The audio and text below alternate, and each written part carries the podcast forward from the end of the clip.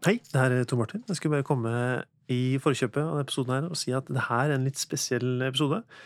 Det her var faktisk en livepod som vi gjorde med markedstreff og Trondheim markedsforening på Fire fine. Så når dere kommer til å høre episoden etterpå, så vil det være litt sånn klirring i glassa, og noen som ler og koser seg. Og så hadde vi med oss en skjerm som vi drev og viste litt film og bilder på. Så noen ganger så snakker vi om de bildene og filmene. Vi skal legge med noen av de filmene i informasjon på podkasten, så hvis du går inn i bioen, eller hva nå det heter, så finner du noen URL eller lenker, så du har muligheten å se de filmene. Så da sier vi bare kjør, kjør pod.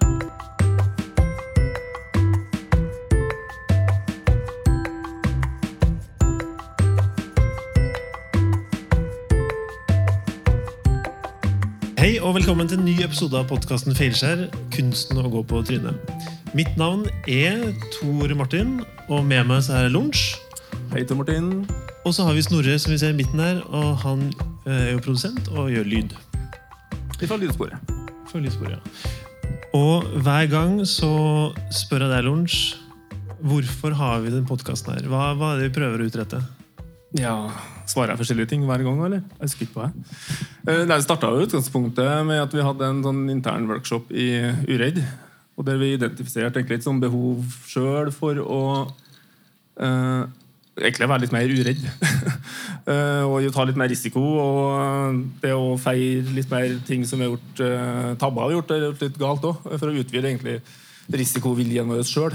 Og så har det liksom vegd seg videre. på en måte til at, altså var det jo også var det du som sa at kanskje vi skulle hatt Fuck Up Nights eller vi skulle hatt en Fuck Up-podkast.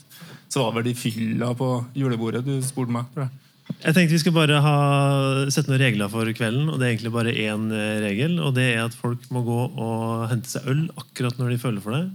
Trenger ikke å sitte her og vente til de er ferdige med å prate. Så, så det, Ja, gjør det. Kjør på.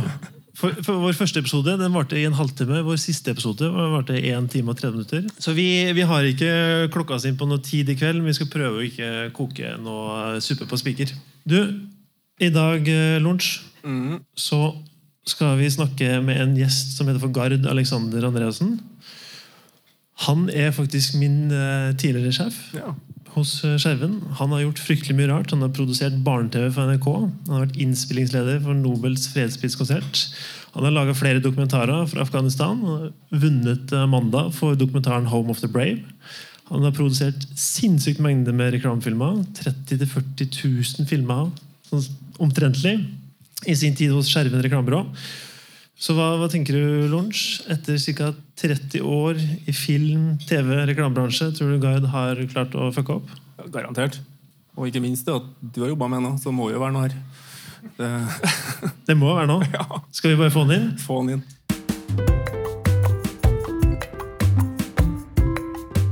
Du, velkommen til oss. Så veldig hyggelig. Altså, utrolig hyggelig med publikum, da. Ja, det er spennende. Stas. Du, hvordan står det til? Det går fint. Eh, Jeg kjente når jeg satt her nå at jeg fikk plutselig sånn prestasjonsangst. Jeg har, eh, som du sa, jobbet eh, 25 år, da, ikke 30. Hvor gammel er du Produksjon i film- og TV-bransjen. Reklame og spillefilm og ja, det meste. Men jeg har alltid vært bak kamera og mikrofoner. Jeg har liksom aldri vært in front. Og nå ble det brått litt skummelt. Men når eh, jeg spurte deg om å bli med på det her, hva, hva tenkte du da? Hva var det første du tenkte på? Eh, Først tenkte jeg at det var Hvem har lyst til å dra og fortelle om alle de dumme tingene man har gjort? Det er jo helt uinteressant. Men så fikk jeg tenkt meg litt om, og så kjenner jeg jo det at uh, det er ganske deilig det, altså kunne komme og fortelle om alle de andre tingene som man vanligvis ikke forteller om i den slags fora. For jeg har jo selvfølgelig vært Når man har vunnet priser og sånn, så er man jo og blir analysert opp og ned i mente og skal si de riktige tingene. Så var det så udro, det var liksom deilig å tenke at her kan du bare fortelle om alle de tingene som um, gikk gærent. da. Det, men så begynte jeg å tenke på alt som hadde gått gærent, og det kjente jeg at eh, da ble jeg litt svett igjen. Så jeg hadde en litt nedtur jeg de siste to ukene nå, for jeg har gått og tenkt så mye på alt som gikk gærent. For jeg har jo gjort litt gærent. Ja, hva, hva tenker du om det prosjektet Feilskjær, hvor vi skal prate med folk og få de til å liksom bare ja, snakke åpent egentlig om de gangene de uh, gikk på trynet? Tror du Har det for seg? Uh, tilbake til da det jeg har tenkt i det siste, med å hele tiden å drive og se bakover på alt som har gått gærent. Det skal man jo ikke gjøre. Du skal jo bare tenke forover. altså Hva som er gjort, det er gjort, det er bak deg, gå videre. Samtidig så får man jo en øvelse i å, i hvert fall etter 25 år å begynne å gjøre noen refleksjoner på jøss, kanskje det er et mønster i dette her også. Det har jeg begynt å tenke på nå. Siste to ukene. Ja, Det er først nå jeg begynte å tenke på det. Jeg har ikke gjort noen refleksjoner på liksom, når eh, det og det gikk galt for 20 år siden. liksom, så har man sett at kanskje noen tilsvarende lignende episoder har dukka opp senere. Nei, altså Det er veldig fint. Jeg har gleda meg litt. Det er liksom katarsis, en renselse for deg der. Det er det. Du, eh, her kan dere se CV-en til Gard. Og et eh, artig lite bilde. Du har klatra karrierestigen, og så har du vært innom det meste når det kommer til film. Du har vært klipper, fotograf, regissør, innspillingsleder, produksjonsleder, produsent og sjef. Så du har på en måte gått ifra gulvet, og så har du gått helt opp til taket. Hva, hva har det vært mest utfordrende, egentlig, på denne trappa opp? Eh, hva tenker du med utfordrende? Altså, Av de her ulike rollene, da. Det å være klipper, fotograf, regissør, er det noen av de som har bydd på større utfordringer enn andre? jeg begynte jo å jobbe med som du sa, å koke kaffe i et studio når TV 2 starta i sin tid. Og eh, så begynte jeg å koke kaffe på lørdagsunderholdning der. Fordi eh, min beste venns kjæreste var faren, eh, faren hennes var studiosjef. Så derfor eh, ble jeg dratt inn på noen produksjoner. Og begynte å lage kaffe. eh, Og jobba meg opp i eh, systemet. Eh, Utfordringen i den reisen husker jeg lenge var at jeg ikke hadde noe faglig bakgrunn. Så jeg skjønte jo ikke hva vi drev med i det hele tatt. Men har måttet lære meg det. Og tidvis har jeg savnet i tidligere fase hvert fall, at jeg ikke hadde noen formell bakgrunn eller utdanning. For du er litt sånn selvlært, du også? Veldig selvlært. Ja. Men etter hvert så har ikke det vært noen hindring. Man har jo lært det. Og jeg lærer bedre av å gjøre ting. Ja. Av å lære, gjøre feil, da, eller? Du lærer av noen feil òg, ja. Men eh, det som er fascinert med når det kommer til deg, egentlig er hvordan du har ett bein i reklame og TV, og så har du ett bein i å være dokumentarskaper.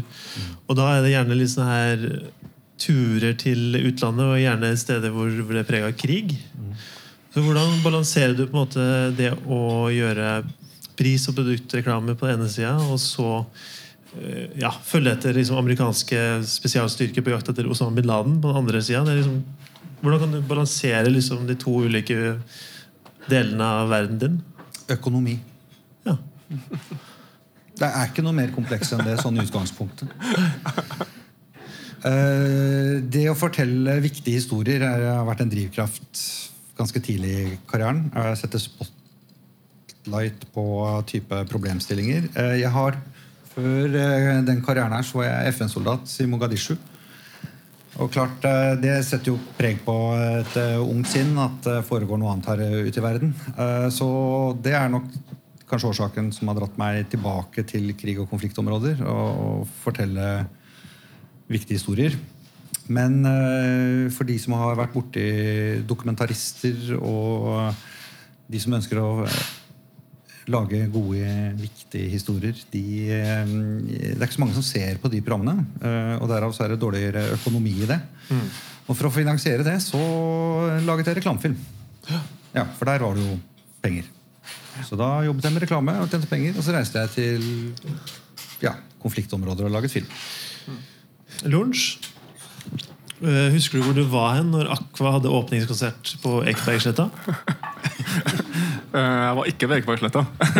det var det eneste svaret. Du gikk glipp av den konserten der. Ja, det går det, gitt. Men du, Gard, hvor var du?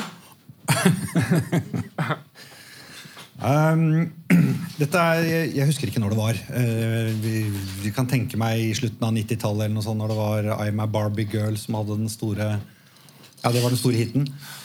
Og de skulle da åpne showet på um, Ekebergsletta, Norway Cup. En 8000-10 000 eh, gale ungdom som eh, skulle se heltene sine på scenen eh, snart. Eh, jeg hadde jobb som såkalt innspillingsleder. Så mitt oppdrag der var å cue i gang hele konserten. Altså sette i gang arrangementet og ha med meg en lydmann på det. For han Det er jo Det er jo playback. Vi kjører jo ikke live eh, med Hva? Um, og da hadde jeg gjort en avtale med, med Aqua først om at uh, når de, skulle, for de skulle ut på scenen først, og så ta imot all jubel, og så skulle de gi meg tegn, og så skulle de cue i gang Nei, så skulle jeg starte låta, eller gi beskjed til lydmann. Så husker jeg ikke, Dette er ganske mange år tilbake, men jeg um, husker i hvert fall at om det var jeg som misforsto, eller om det var inns- nei, lydmannen som uh, misforsto, det er jeg usikker på. Men uh, Eh, speaker annonserer 'ta vel imot Aqua', og så starter lydmannen eh, låta. Men da har jo ikke Aqua kommet på scenen. Og det er et eller annet som er ganske kleint med 8000 mennesker som står og synger og hopper og danser etter Barbie Girl uten et band på scenen. da For det var jo med full vokal og alt mulig. Og da løper jeg backstage, for jeg ser jo at bandet kommer ikke på, og lurer på hva skjer. Da var Lene Nystrøm veldig sint. Og da fikk jeg høre Ja. Hun uh, fortalte meg hva jeg burde gjøre isteden. Så uh, vi måtte Hva sa hun? Hva burde du gjøre? Nei, du, det husker jeg ikke. Men uh, hun var veldig sint, og så var det han, en annen der som gikk imellom og roa det. Han andre som jeg ikke husker hva heter. Og så gikk jeg ut igjen, og så fikk vi stoppa det, og så må vi ta det en gang til. Det er litt kleint. Med så mange gjester. Ja, For det er jo sånne ting som ikke skal skje. det. Det er sånt som ikke skal skje. Ja. Men hva var konsekvensene? Du, har dere jobba noe etterpå? Eh, Jeg har ikke jobba med AK etterpå. Eh, Ikke med lyd, mye- og ikke med en lydmann. Nei, vi skulle jobba med en lydmann heller. Nei, jeg, jeg tror ikke jeg har hatt hverken så mye våkenetter eller refleksjoner rundt den, eh, den hendelsen. Det er en god historie. Yes. Ja. Vi skal videre til et annet arrangement som du ofte jobber med. Og det er jo Nobels fredspriskonsert. Det er jo noe vi ofte ser på TV, så vi vet jo egentlig ikke hva som foregår bak kulissene. Kan du bare kjapt liksom ta oss gjennom hvordan er det å rigge eh, sånn type arrangement? Nobelkonserten er kjempegøy å jobbe med. Det er eh, et stort arrangement i Spektrum. Det er eh, 8000 publikummere der. Det er eh, en sending som skal eh, til mange nasjoner etterpå. Det er et ganske massivt apparat. Du sa i sted at jeg var innspillingsleder her. Det var jeg ikke. Jeg var såkalt eh, innslagsprodusent. Altså jeg laget alle innslagene som Ah, skulle, skulle være i, i løpet av sendingen. Eh, Men det er et eh, ganske, ganske Det er høy puls eh, backstage. Du jobber noen uker i forkant opp mot eh, et sånt vent. Og eh, selve dagen så er det jo adrenalin ute i hele kroppen, for eh, det nærmer seg sending. Helt ned til nedtelling. Altså, Du har jo, du, du har jo bare én sjanse. Altså, du, du kan ikke stoppe og gjøre et opptak en gang til. Sånn. Det er et uh, velsmurt maskineri. Det er jo en grunn til at vi har bilder av Tom Cruise og Oprah Winfrey her. For de leda jo konserten et år. Ja, Hvordan gikk det? Eh, Det gikk veldig fint. Ja. Eh, Men du lurer litt på åssen jeg Hvilken historie er det fra? Ja. Ja, eh, jeg vet- ikke om det var et feilskjær. Eh, Jo, det var for så vidt det. Det vil vel si at det var et feilskjær. Det var litt kleint, da. Eh, Alle, alle disse mm, programlederne skal jo gjør vi opptak av i forkant som intervjuer vinnerne av Eller nobelfredsprisvinnere. Og dette året her var det en dame som het Vangar Matai, som mottok, mottok fredsprisen. Og vi hadde rigga da, altså Mitt oppdrag var å lage det innslaget. Så vi hadde på to, hele toppetasjen på Plaza, det er en kjempefantastisk suite, som vi da hadde rigga for å gjøre dette intervjuet. Med alt av eh, lamper og kameraer og monitorer og det som var. Og så er det sånn at eh, det det er én mann som er med og overvåker oss, eh, at vi gjør tingene riktig. Han, har, eh, han er eh, de, de som eier rettighetene til hele dette showet her, eh, amerikansk selskap, som sjekker at alt er i orden. Og de var veldig tommel opp. Vi hadde gjort en utrolig bra jobb på alle uh, testshoots, og dette gikk eh, kjempefint. Og nå begynner det å nærme seg, for nå skal og Vangar Matai hadde kommet og eh, setter seg ned. og hyggelig, Og nå kommer snart Tom og Oprah. Og da begynner det å stige litt eh, puls i gangene. Det er utrolig mye folk. Uh, og hele denne komiteen, altså Nobelkomiteen, har kommet. De har rigga inn på et eget rom med monitorer og headset. Uh, Geir Lundestad og co. sitter, og alle er klare. Og så uh, I hele gangen så står det masse sånne livvakter nedover. Det er nesten litt sånn kongelig. dette her. Og så får vi høre at nå er Tom og Opera på vei opp heisen. Uh, og da står vi litt i rett, og jeg står jo til og med i dress og uh, har, vi, har alle papirene for et flygel som er der inne, og det er veldig fint. Og så uh, kommer de til heisen, og så går de bortover denne lange gangen og inn i suiten, og de går og hilser på noen nøkkelpersoner, og så ender alt rundt I hvert fall slik jeg opplever det, da. Rundt meg. Da er det eh, Man hilser, og sånn. Og så er det manageren til, til Tom Cruise. Det er søsteren. Og hun har rykte på seg for å være veldig, veldig, veldig, veldig streng. Eh, og hun er den som inspiserer settet og får rapport av han som akkurat har godkjent meg, at det er i orden, og det er i orden, og det er i orden. Ja, da gjenstår det vel bare én ting. Og så blir det litt stille. Yes, where is the cue cards? Og alle snur seg mot meg. Yes, Mr. Where's the cue cards? Cue cards? Og for de som ikke vet hva cue cards er, det visste jo åpenbart ikke jeg heller da. Eh, det eh, det er egentlig dette her. Sånne kort jukselapper. Egentlig mye større format. Når du har sett på eh, Letterman og sånn, så gjør de fortsatt det i USA. Sånne store plakater hvor det står spørsmålene til programlederne som de skal lese av underveis for å kunne gjøre de intervjuene de skal gjøre. Og jeg visste det var noe jeg hadde glemt, eller noe jeg ikke hadde forstått i den mailen jeg hadde fått. Glemt å google turkart.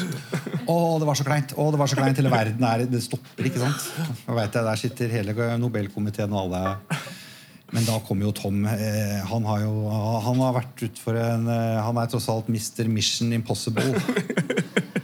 Så han sier oh, that's no problem. That's no problem. Og Opla sa det var ikke noe problem. Og så var det ikke Så alt gikk bra, da. Vi gjorde det. Men uh, jeg tror jeg skal begynne å lese mailene litt ordentlig neste gang. Og så kanskje stille spørsmål ved ting jeg ikke vet hva er for noe. Kan jeg si at jeg lærte av det.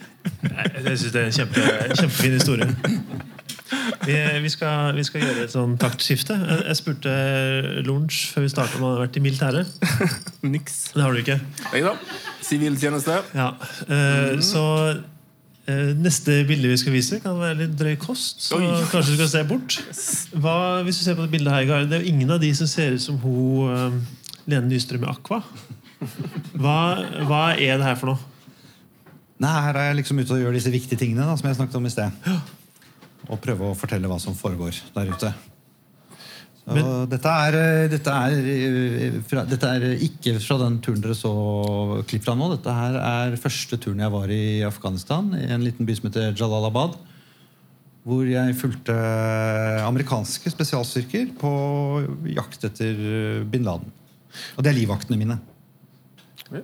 Oh, ja, så de her er de du leide fra Warlorden? Ja. ja. Det skal vi også komme tilbake til. Ja. Men uh, hva er liksom drivkrafta? Hvorfor Hvorfor har du en trang til å på en måte utsette deg for den, eh, den risikoen det innebærer å følge de her med et kamera? Ja, det vet jeg ikke. Uh, jeg, jeg, vet ikke om jeg reflekt... Jeg fikk en mulighet.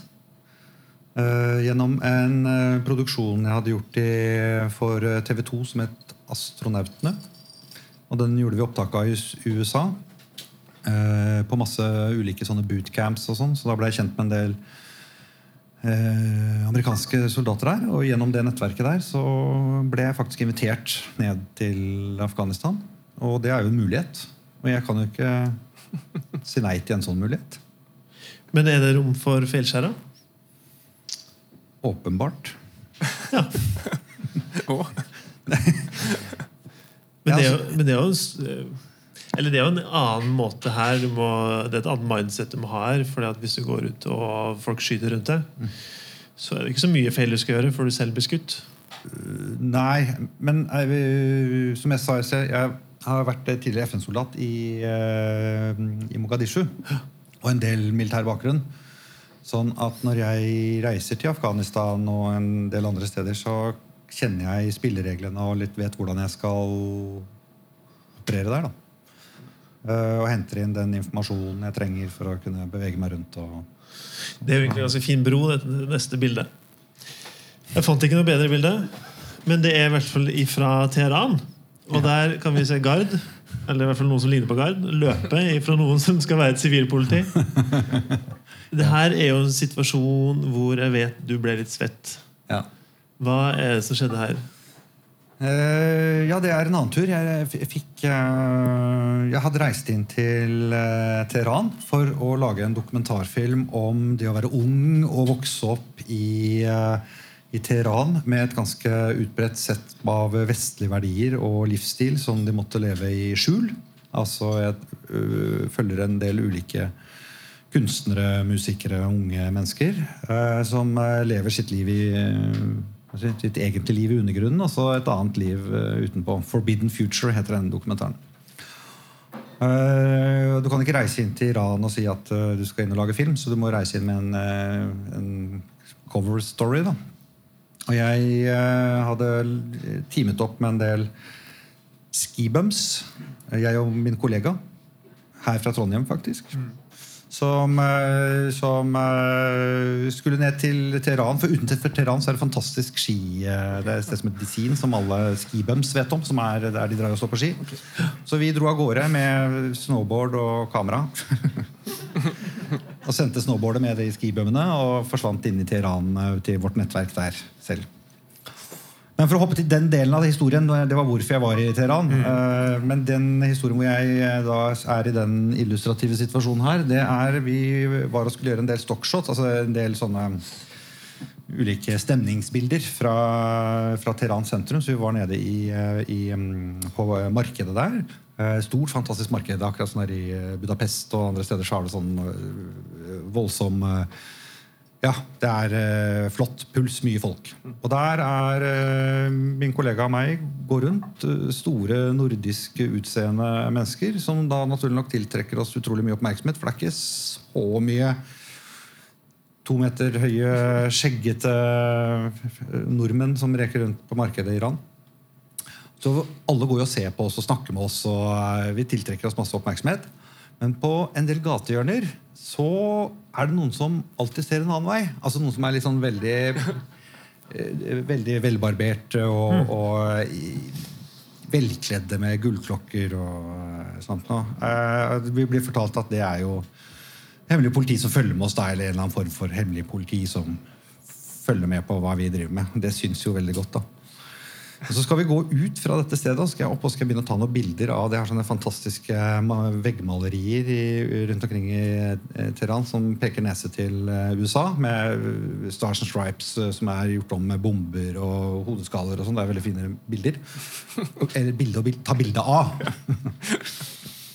Eh, og der bråstopper det da en, uh, en bil. Så hopper det ut to mann uh, som er da identisk med de andre gutta som går rundt der. Som det er en slags egen sånn dress code. Sånn ordentlig, litt sånn Starsky and Hutch-stil fra 70-tallet. Sånn dårlig James Bond.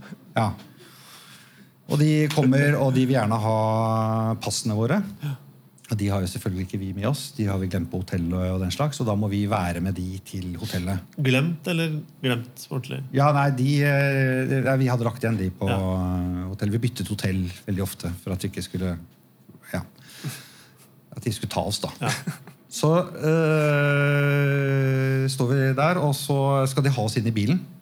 Og heldigvis så går begge de to gutta de går rundt på den andre siden av bilen. Mens min kollega og meg står på innersiden av bilen. Og da ser vi hverandre. Og sier vi, da løper vi. Og der er vi, er vi over i det bildet der. Det, er, det er kanskje, var kanskje et dumt valg. Eh, men vi, vi, løp ned og inn i markedet igjen og eh, gjemte oss unna. Eh, vi kom oss unna, vi slapp unna, vi, ble ikke tatt. I ettertid så tenker jeg at det egentlig var, fint at vi ikke ble dratt inn heller. Altså. Jeg syns det. Så det var sånn hell i eh, uhell, egentlig. Men hva, var du redd, eller? Eller Eh. tenkte du at det her var bare en vanlig dag i utlandet? Du driver jo og flytter hotell og hotell hotell. Du, eh, og da er det jo fordi at du tenker at det her Du føler deg jo litt altså, Du skjønner jo at du har blitt oppdaget, holdt jeg på å si. eller begynner å følge litt mer med. Eh, men i ettertid, etter denne turen, så har jeg selvfølgelig analysert ikke bare den hendelsen, men ganske mye annet som skjedde der nede også. Og at det dukket opp noen av våre eh, Vi leier alltid inn sånne lokale mm, fiksere som ordner ting for oss. eh, skaffer intervjuobjekter og biler og overnatting og sånt noe. Og han ene som alltid skulle fikse så veldig mye for oss, han klarte aldri noen ting. Så jeg begynte å få litt mistanke til at han egentlig jobbet imot oss. Men han var veldig hyggelig og positiv. Men etter at jeg kom hjem til Norge, så dukka han opp i Norge også. Lurte på om jeg skulle være med ut og spise middag. Ja. Så jeg lurer på om han hadde en helt annen agenda enn uh, det jeg tror, jeg tror det han ville bare følge med. Han ville ha jobb. han. Mm. Han ville ha sikkert ha jobb. Det er mulig han ville ha jobb. Han syntes jeg hadde en kjempekul jobb. Yes. Han hadde hørt jeg hadde jobba med Tom Cruise. Jeg har jo også lest om deg på forsida av VG. Ja. Der står det 'bevæpna reporter på jobb i Afghanistan'. eh, Presseorganisasjoner reagerer. Dokumentarskaper Gard A. Andreassen, det er deg, det. Bevæpne seg med pistol da han skulle lage en dokumentar om de amerikanske spesialstyrkene i Afghanistan. Det var når de skulle jakte på Osama bin Laden og Taliban. Og så sier du vi hadde ingen beskyttelse fra amerikanerne, så vi leide to afghanske soldater fra en lokal warlord som er kompiser med amerikanerne. Dessuten skaffa jeg oss våpen til selvforsvar og skuddsikre vester, sier Gard A. Andreassen. Det høres jo øh, litt sånn tullete ut. Eh, Du skal ikke gjøre sånn. Nei. Og i hvert fall ikke si det til en journalist. Nei, fordi den, øh, den saken fortsetter jo. Jeg skjønner at journalister kan reagere. De har kamera som våpen. Men jeg har vært i skuddveksling før og fant det naturlig å være bevæpna. Dessuten har jeg aldri gått inn i Afghanistan som journalist. Jeg skulle bare lage en film om spesialstyrkene, sier Gard A. Andreassen. Men så kommer jo det som er så ufattelig morsomt. Som likevel innrømmer at han meldte seg inn Norsk Journalistlag for å få forsikring før reisen til Afghanistan. Ja. Litt sånn pose og sekk, da. Ja. ja. Men hva, hva, hva, hva tenker du nå i retrospekt? I forhold til eh, er, det, er det riktig at du havna på første sida i VG og fikk kjeft? Nei. Nei. Nei. Nei, For du var jo ikke journalist. Nei, men jeg trengte det pressekortet. Ja. For det får deg lettere rundt til å løse oppdraget. Og, ikke, også, og lettere å få forsikring. Ja. Ja, Ja, Det er jo, jo greit å ha. Så forsikringa som journalist er bedre enn som uh... Du får ikke eh, som privatperson å reise inn i konfliktområder uten at du er der enten fra en NGO eller Og da var journalist uh, det nærmeste. Men jeg er jo ikke noen journalist. Så hvis du hadde dratt ned igjen nå, så hadde du nok også gjort det samme? Ja. Ja. ja. Jeg vet ikke om jeg har lært så mye av det. Eller, eh, jeg, jeg har lært eh, Altså, den filmen eh, fikk jo ekstremt god mottakelse. Altså, den ble jo eh, Det var den vi fikk Amanda for. Eh, og eh, den ble solgt til mange, mange land. BBC, Discovery, ZDF. Og den hadde en kjempesuksess. Og ingen andre land på noe som helst måte reagerte på det i det hele tatt. Selv de møtene jeg hadde på Horizon hos BBC, bare lo av det at det hadde blitt et oppslag av det i Norge. Ja, Så det var egentlig bare Norge som reagerte på at du bevæpna deg? Altså, Jeg var jo og snakket med VG. Jeg husker jo den samtalen veldig godt. Eh, og jeg var jo, synes jo jeg var kjempeflink som hadde vært og laget en fantastisk fin film. Det var første gang noen hadde vært på innsiden og levd med amerikanske spesialsoldater i operasjonen i frontlinjen på jakt etter Osama bin Laden ever. Eh, så det var et skup, eh, sånn sett. Men VG slår opp den delen der. Jeg skjønner jo hvorfor det er sånn. Jeg, jeg, jeg, jeg forstår at ikke du skal ta side i en konflikt. Men det er synd jeg ikke har med det klippet nå, men eh, vi er i ferd med å skal eh, angripe et eh, område. Så vi henger jo på med amerikanerne midt på natta. Og det er jo, det er jo potensielt ubehagelig situasjon vi er på vei inn i.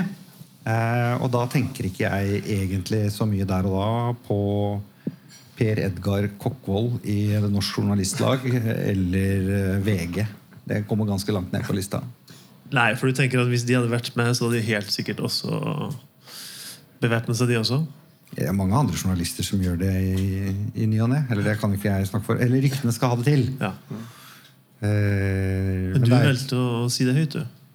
Ja, det, det, har jeg, det var et feilskjær. Ja. Ja. Skulle bare holdt kjeft. Ja. Men VG kunne jeg jo ha vinkla til at du var smart og ordna forsikring. Det kunne jeg. Men jeg har jo et klipp i filmen.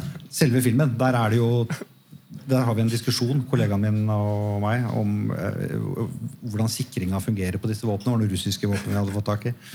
Eh, om det er innafor eller er den på noe eller av på. Står vi og småkrangler litt på av og på.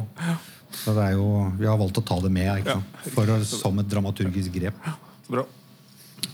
Du har jo nå en film ferdig, og jeg tenker for å liksom tegne ut det her portrettet Gard, så er det jo litt hyggelig å høre om hvordan du klarte å få solgt den filmen din. Med tanke på det her med at du er selvlært og tenker at selv om du ikke kan noe, så prøver du, og hvor galt kan det egentlig gå. Hvem, hvem er han Nick Fleischer? Eh, han eh, har eh, Nick Frazier er en, en gud i dokumentarverden. Alle som utdanner seg innen dokumentarfaget, har et forhold til Nick Frazier. Han er kongen av BBCs dokumentarflate. Det visste jo ikke jeg noe om, for jeg hadde jo ja, Som dere skjønner, så dro jeg ned litt på Lykke og Fromme. Og, og har jo ikke svart belte i dokumentarproduksjon eller annet. Men jeg hoppet uti det. Men når filmen var ferdig, så eh, Den gikk jo på TV2. Eh, Men den, jo, den var jo en, en engelskspråklig film, så det var jo bare å prøve å få solgt den til utlandet. Eh, Jeg hadde jo ikke noe nettverk på hvordan man skulle selge film. Eh, Så hørte jeg det at det var en filmfestival i Cannes. eh, TV-festival, ikke den vanlige filmfestivalen, men det er en TV-festival den er to ganger i året, hvor man selger og kjøper eh, stort sett underholdningsformater og andre ting. Så jeg dro ned dit. Og der skal man jo liksom ha avtaler i forkant og ja, sørge for at alt er på stell, og så møtes man der og forhandler, da. Men eh, jeg gikk litt på lykke og fromme rundt og spurte folk og vina og dina etter beste evne. eh, Da uten uniform, men med eh, salgsskjorte og slips. Så var det en som fortalte meg det at du burde snakke med Nick Frazier. For han vil sikkert ha sånn. Ja, Hvem er Nick Frazier? Nei, Han jobber i BBC. Og Da går jeg på BBC-standen. Jeg får lånt meg en sånn kort for å komme inn på selve festivalområdet. For det hadde jeg ikke råd til. Det kosta jo mangfoldig tusen kroner. Og, og gikk inn, og Der var det jo en lang kø for å treffe Nick Frazier. Og jeg går fram til resepsjonen, og jeg hadde jo ikke avtale engang. Så eh, da ble jeg jo eh, ikke bortvist, men eh, avvist, heter det vel. Men det stoppa ikke. Nei, da, for jeg så jo han satt der inne. Når du har reist så langt og liksom har dette, så baner jeg For jeg ser at han plutselig sitter og fjaser litt med noen andre, og sånt nå, så da bare går jeg fort frem. Og så legger jeg filmen. Jeg hadde laget en sånn femminuttersversjon av den på pulten og sa at jeg har hørt at du er riktig mann å vise denne til. Jeg har akkurat vært i Afghanistan og fulgt amerikanske spesialsoldater. Dette er noe du burde se, har jeg fått beskjed om. Og han sa ja til det. Og satte den på og så på den i fem minutter og sa at den vil han ha. Og da hadde jeg gjort salg til BBC. Så det var gøy. Ja. Vi skal forlate krigen til noe helt annet igjen. Det som er så fascinerende med deg, er bare hvor mye merkelige ting du gjør. i forhold til ja, Jeg tror folk skjønner det når vi ser på neste film.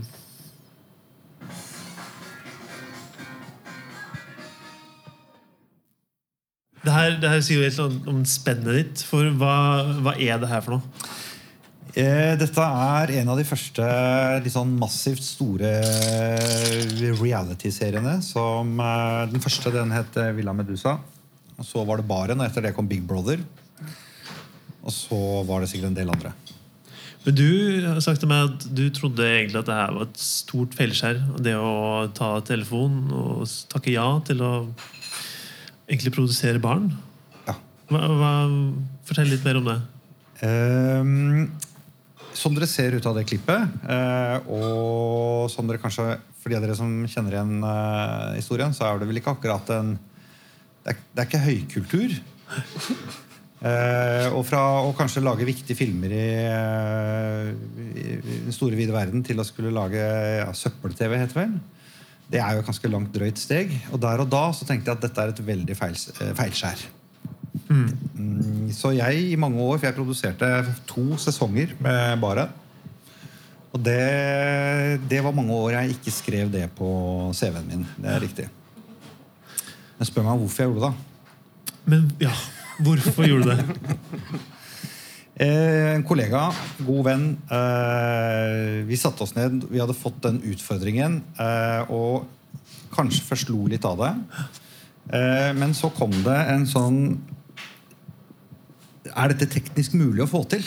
Altså Det er ganske drøyt. Eh, det er lettere nå, selvfølgelig, men da så var teknikken ny, mye tyngre enn det han er nå. Men det var snakk om å liksom rigge en bar sånn som dette her, eh, med fullt av kameraer. Og så var det en leilighet over hvor det skulle bo ti stykker. Det skulle overvåkes 24 timer i døgnet.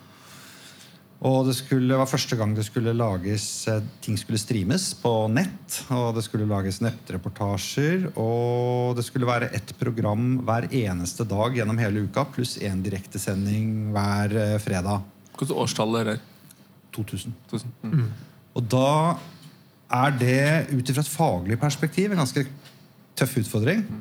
Eh, og på et eller annet tidspunkt så vippa altså, altså Innholdet var liksom ikke så viktig. Uh, det, det var er dette mulig å få til. Så eh, jeg hoppa på den første utfordringen, og vi ansatte da i løpet av halvannen måned 130 mennesker. Da hadde vi tegna et sånn logistikkart på hvordan vi skulle kunne klare å få det hjulet her til å gå rundt. Og satte i gang. Og det var veldig gøy å få til det. Så Faglig sett så var det veldig, veldig gøy å ha alle de sendingene på så mange timer produsert på den tiden. Men så du noe på det selv? Nei, det gjorde jeg nok ikke. Eh, men det var jo sånn døgnet rundt-jobbing, det. Med ganske mange utfordringer. Det var jo galskap, hele greia. Ja, altså Det at du hadde over 100 ansatte, det er jo ganske sykt. Ja, det er, jo døgndrift, da, så du har jo x antall mennesker på skift eh, på åttetimersskift i løpet av døgn. Med overlevering og rapporteringer og sånt. og Det, der fikk jeg litt sånn svart belte i logistikk. Redaksjonell logistikk, kanskje. Men det tok du kanskje med deg inn i skjermen? For nå har vi jo kommet dit. Salg kan kjøpes. Skjerven reklamebyrå. Hva Kan du kort måtte plassere reklamebyrået Skjerven? Sånn at vi vet litt sånn Ja, Hva er det for et annerledesbyrå? Eh, Skjerven er annerledesbyrået. Eh, Skjerven er, eh, er vel Er det det tredje største i omsetning i landet? Eh, jeg slutta der i fjor. Da tror jeg det var over 200 ansatte. Det er selskapet som har tradisjonelt laget, produsert, utviklet mye pris-produkt-kommunikasjon. Eh, mye DM. Én milliard DM-er i året. Uh, jeg produserte jo over 10 000 filmer i året der på slutten. Uh, og har tradisjonelt salgsutløsende filmer. Hvordan var det å gå fra selvstendig til å skulle bli sjef og liksom delegere ansvar? Eh, jeg hadde ansvaret for eh, produksjon av alle filmer. I da selskapet Clockwork? I selskapet som først het Skjerven Film. Ok. Uh, og etter hvert så vokste huset. Uh, de startet et byrå til eh, som heter Amplifier. Ja, og så startet vi Empifire Film. Og så startet vi Clockwork. Så det er egentlig tre selskaper ut. Og du Tor Martin, var inne i Clockwork? du? Ja, jeg Clockwork. Ja. Først. Eller vet du hva? Jeg var, ja, nei, jeg har vært i alle. Okay. egentlig. Men det, men det er jo egentlig neste spørsmål. For at eh, Gard hadde ansvaret for vekst i det her selskapet. Og det er jo et selskap som lager sykt mange tusen filmer i året. Og hvis Dere starta jo å ha ett filmselskap, og det endte opp med å ha tre. Fordi at dere hadde konkurrerende kunder. Dere hadde I ene bygget så hadde dere Lefdal og Elkjøp og til bords. Og i andre bygget, for det måtte faktisk fysisk eh, speile egentlig bedriften. Så en var i Bygdøy allé, og andre var jo i Mølleparken. Og der kunne dere serve kunder som Expert eller No Power, XXL, Shadar. Og så hadde Coop Ops på endesida, så hadde Jernia på andre sida. Ja. Og så hadde Clockwork som kunne dra imellom. Så jeg var jo sammen med deg i Clockwork og kunne jobbe på én eh, reklame for eh, Elkjøp den ene dagen. Og så kunne jeg jo ta trikken opp til Mølleparken. Og så kunne jeg jobbe på Ekspert den andre dagen. Hvordan var det utfordrende, og liksom det her balansespillet overfor kundene, og, men også overfor ansatte? Vi skal jo bygge tre ulike kulturer. Ja, mange spørsmål på en gang. Eh, eh, det var eh, utfordrende fordi det utvikla seg ulike kulturer i de ulike selskapene. Så, og, og, så det var tre ganske ulike selskaper. Eh, men for eh, kunde, kundene så Det var jo laget sånn for å ha tett kommunikasjon. Altså, eh, så når du jobbet i Clockwork, så hadde du ikke tilgang på strategisk informasjon fra de ulike selskapene. Da var du rent utviklings... eh, eh, byrå på um, eh, produksjonsselskap og design og um, animasjon og sånn, mens, eh, mens de som fikk tilgang på informasjon som kunne ha konkurranseutfordringer, så jobber de veldig tette skott hver for seg. Da.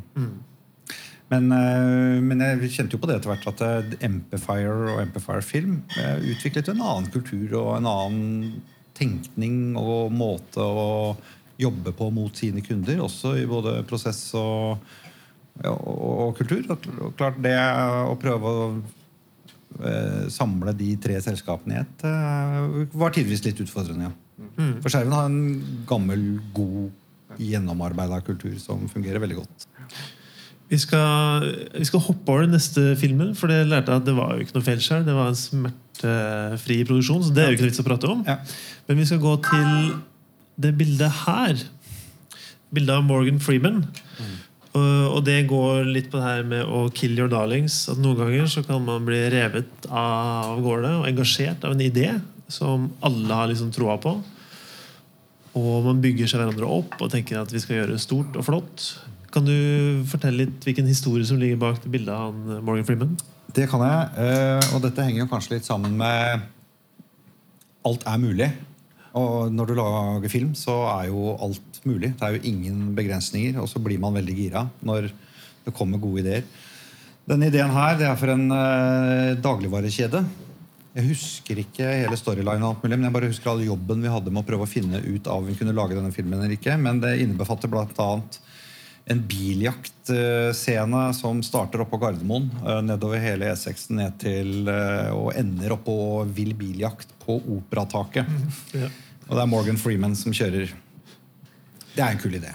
Jeg husker ikke storyline, men jeg aktørene og hvor svært sett du må dra i gang da. Det er jo selvfølgelig Jeg skjønner at kreatørene blir forelska i den ideen der. ja, Jo, men Gard også. For Ja. han tenker, han ser, du ser jo utfordringen i å faktisk få det til å funke. Ja, altså, jeg, jeg begynner jo å tenke med en gang ok, uh, hva skal til for å sperre E6 for å få til det? Ja. Og da går det ikke noen varsellampe på uh, Skal man gjøre det selv om det er faktisk mulig å Det burde kanskje gjøre det. Eh, Men i dette tilfellet her så dro vi i gang det de, det apparatet som må til eh, for å for å se om det er noe realisme i det. og Snakke med både selvfølgelig politi og ulike selskaper som er tilgjengelige, som har actionfilmrigger. Eh, Det er ikke noen i Norge som har det. Du må jo hente fra England eller Tyskland. Som kommer med sånn bilsett og monterer og gjør hele opplegget. Uh, budsjettere, bare En budsjetteringsjobb på en sånn uh, film er jo kjempestor. Og ikke minst det å få tak i Morgan Freeman og høre om han er tilgjengelig for den slags oppdrag. Eh, og vi gjorde jo det også. Og begynte jo forhandlinger. Ja, ja selvfølgelig. Ja da, han var positiv, han. Uh, og da legger du mye arbeid i det. Og så lager du en anime, du tegner storyboard, og så lager du en animatic. Altså legger på musikk og voiceover og prøver å leveliggjøre det så mye som mulig. Og så er det full presentasjon for kunde og se hva vi har fått til. Man er jo ganske gira da. Yes, da har vi fått til Morgan Freeman, og vi klarer operataket, og dette skal gå. Eh, og så syns jo kunden det ble litt dyrt, da. Det hørtes litt dyrt ut. Har, har du blitt flinkere til å liksom eh, stoppe sånne her produksjoner før man kommer helt til presentasjon? Jeg, jeg, jeg, å, jeg skulle ønske jeg kunne svare umiddelbart ja på det. Men jeg kjenner nok at jeg blir litt revet med av innholdet før jeg Før jeg kanskje tar en reality check på det. Ja. Men altså, det har vært laga filmer med sånne budsjetter i Norge før, så det, jo, det er jo mulig. Ja. Vi skal se én film til. Den er, det er en utrolig bra og fin og sterk film. Det er Kanskje noen av dere har sett den. Heter for 'Kjære pappa'. Den varer, den varer i fem minutter. Jeg var litt usikker på om vi skulle se hele, men jeg har lyst til at dere skal få se den, for den er ja, det, I forhold til også TV-aksjonen nå, som er TV-aksjon for Care, så er det her også en film som ble laget til eh, Care i 2015, tror jeg. Og eh, den er spesielt sterk og god, så den, den føler egentlig Eller ja, den fortjener egentlig at vi ser, ser hele. Så vi, vi setter i gang.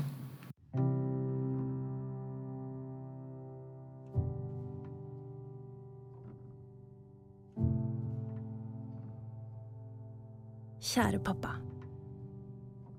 Jeg vil bare si takk for at du passer så godt på meg, selv om jeg ikke er født enda. Du prøver jo hardere enn Supermann. Du lar ikke mamma spise sushi engang. Likevel vil jeg spørre deg om en tjeneste. Advarsel. Det handler om gutter. Fordi jeg kommer til å bli en jente. Hvilket betyr at innen jeg er 14, kommer jeg til å ha blitt kalt hore, fitte, billig og mange andre ting av guttene i klassen. Det er bare for gøy. Noe gutter gjør. Så du kommer ikke til å bekymre deg. Og jeg skjønner jo det. Gutter gjorde det samme da du var ung. Kanskje du til og med gjorde det? Kanskje du til og med slo en jente på rumpa uten å spørre bare fordi du ønsket å virke tøff? En mann du mente ikke noe vondt med det. Likevel Noen folk skjønte ikke at det bare var en vits. Og merkelig nok var ikke det jentene. Det var noen av guttene. Så når jeg fyller 16, vil et par av dem ha sneket hånden ned i trusene mine. Mens jeg er så full at jeg knapt kan stå, og selv om jeg sier nei, ler de bare. For det er jo ganske morsomt, egentlig. Hadde du sett meg, hadde du skammet deg. For jeg er så sørpedrita, og ordentlige jenter blir jo ikke det. Ikke rart jeg blir voldtatt når jeg er 21. 21 og på vei hjem i en taxi kjørt av sønnen til han fyren du pleide å svømme med hver onsdag. Han som alltid fortalte de litt på kanten-vitsene. Men de var selvfølgelig bare vitser. Så du lo med. Hvis du hadde visst at sønnen hans kom til å voldta meg, hadde du nok gitt han streng beskjed om å skjerpe seg. Men hvordan skulle du vite? Han var jo bare en snål fyr som fortalte vitser, og uansett var det ikke din business, du forsøkte bare å være grei. Men sønnen hans, avlet opp på de vitsene, blir min business. Så endelig møter jeg Mr. Perfect, og du er så glad på mine vegne, pappa, for han virkelig forguder meg. Han er smart, har en god jobb, og tre ganger i uka vinteren gjennom går han langrenn i Nordmarka. Men en dag kommer han til å slutte å være Mr. Perfect. Og jeg kommer ikke til å skjønne. Overreagerer jeg? Én ting vet jeg. Jeg er ikke offertypen. Jeg ble oppdratt til å være en sterk og selvstendig kvinne. Det er bare det at det blir litt mye for ham den kvelden, med arbeid og svigers og, og bryllupet som nærmer seg, så han kaller meg hore. Akkurat som du kalte en jente på ungdomsskolen iblant. Og senere, en annen dag, slår han meg. Men jeg sier noe skikkelig over streken først. Jeg er virkelig en bitch.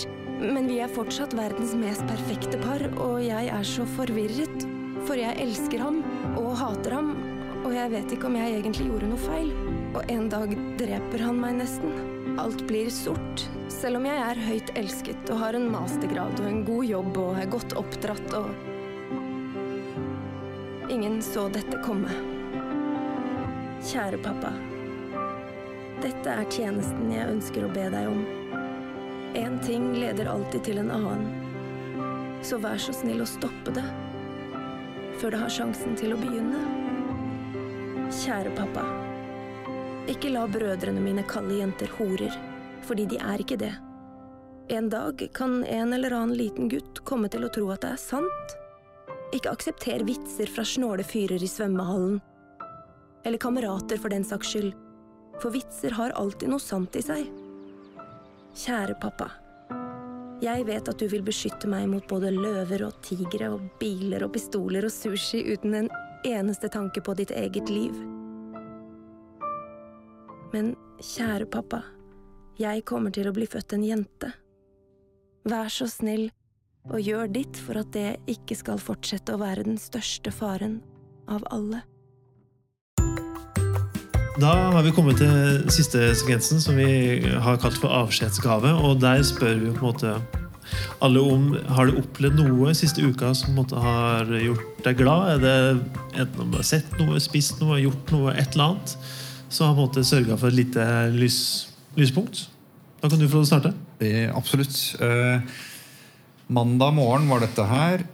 Så var jeg på vei til jobb. Jeg var nede utenfor Nationaltheatret. Og der treffer jeg eh, den Jeg kjenner henne ikke, jeg bare går forbi henne. En jente som gliser veldig, veldig mye. Det er veldig mye tenner, og hun er veldig glad. Veldig positiv, snakker med alt og alle. Eh, og det er eh, MDG Marie Berg eh, Jan. Som eh, går rundt og prøver i sånn siste valgkamp i spurt. Og så ser jeg henne på, senere på kvelden også, eh, når hun har eh, takketale som hun gliser fra øre til øre. Og det gliset hennes og den sanne gleden hun hadde i kroppen antageligvis hele den dagen der, det er min gave. Det var en bra dag for henne, tror jeg. Så fint. Du har lunsj. Eh, Det er jo vanskelig å komme ut av valg, men at det har eh, sånn kort, så det har vært en eh, sånn rød-venstre-vridning på valgresultatet, gleder meg. Men den konkrete tingen er en, en serie på TV 2 som heter 'Samuel og bestefar'. Den anbefaler jeg alle sammen å se. Uten å fortelle så mye om det, men det er en helt fantastisk historie. Med, ja. Så det var han Samuel og han som, dem, han som overlevde Berserk-forliset. Eh, ja. Og så gikk han på en smell, og så har han ja, laga en fantastisk serie sammen med sin bestefar på 82 år etterpå. Der de opplever verden sammen. Opplever og eh, oppfyller hans drømmer. Bestefar sine drømmer. Helt fantastisk. Ja. Ja. Eh, jeg skal prøve kort. Vi må la folk få lov til å drikke snart. Ja, det, Det, det skjedde egentlig forrige, forrige uke, og det at vi, vi runda 10 000 nedlastninger på podkasten. Hæ?! Nei da. Og ja, vet du hva, vi syns det, det er veldig gøy. Og mest gøy fordi at folk eh, er så lette å få til å prate med oss. Vi sender jo en mail til folk hvor de bare spør har du lyst til å komme og prate om de gangene du eh, gikk på trynet. Og de fleste av oss sier faktisk ja. Og det er utrolig hyggelig. Og når vi får det opp til oss hos uh, Uredd og Lyssporet, så det virker som at de syns det er helt greit også å prate om det. Og så får vi gode reaksjoner på podkasten. Så det er veldig veldig hyggelig. Så vi, vi har lyst til å fortsette til eh, vi ikke orker mer, eller at det er tomt av feilskjær. Det, det, det var en ting jeg noterte meg før jeg gikk hit her nå. For det var en sånn I forhold til at det er marked og reklame, og sånt, så er det tenkte jeg skulle nevne dem eh, som ikke har hørt podkasten òg. Det er altså dem som er sånn markedsrelaterte podkastene som jeg tror liksom er litt verdt å høre på. Magne Gisvold, Katrine Wiik, Jarle Hagen, Helle Moen, eh, Hege Biermann, eh, Steinar Bjørlykke, Gaute Busch, Sigve Søråsen og Nina Steen. Det er som dem som er fra markedsverden. Og der synes jeg er noen gode perspektiver. Spesielt er det noen av dem som handler om det å altså, altså, lage metoder for det å både innovere, nye ideer og det å litt sånn lavere fallhøyden. Eller lande på god, eh, mjuk pute hvis en feiler på noe. Så jeg syns det.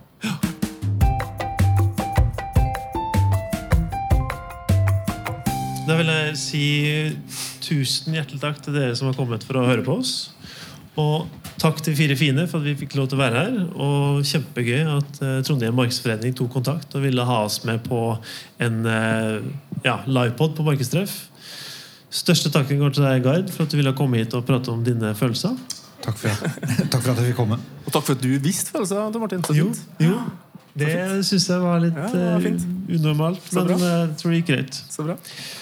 Gard, hvor er folk kan følge deg hvis de skal på nett og prøve å finne ut hva du holder på med? Ja, altså, jeg har et, uh, et nettsted som jeg holder på å bygge opp, som er litt uh, tynn akkurat nå. Men den siste dokumentarfilmen uh, jeg gjorde Det er du som har laget nettsidene, forresten. Den heter needtoknow.tv. Kan dere gå inn og sjekke ut der. Ja. Og eh, hvis det er noen her som har en historie de har lyst til å dele med oss, eller kanskje tipse oss om noen som vi burde prate med, så send oss en mail enten til feilskjær.uredd.no, eller ta kontakt på Facebook og Instagram. Det ser dere der.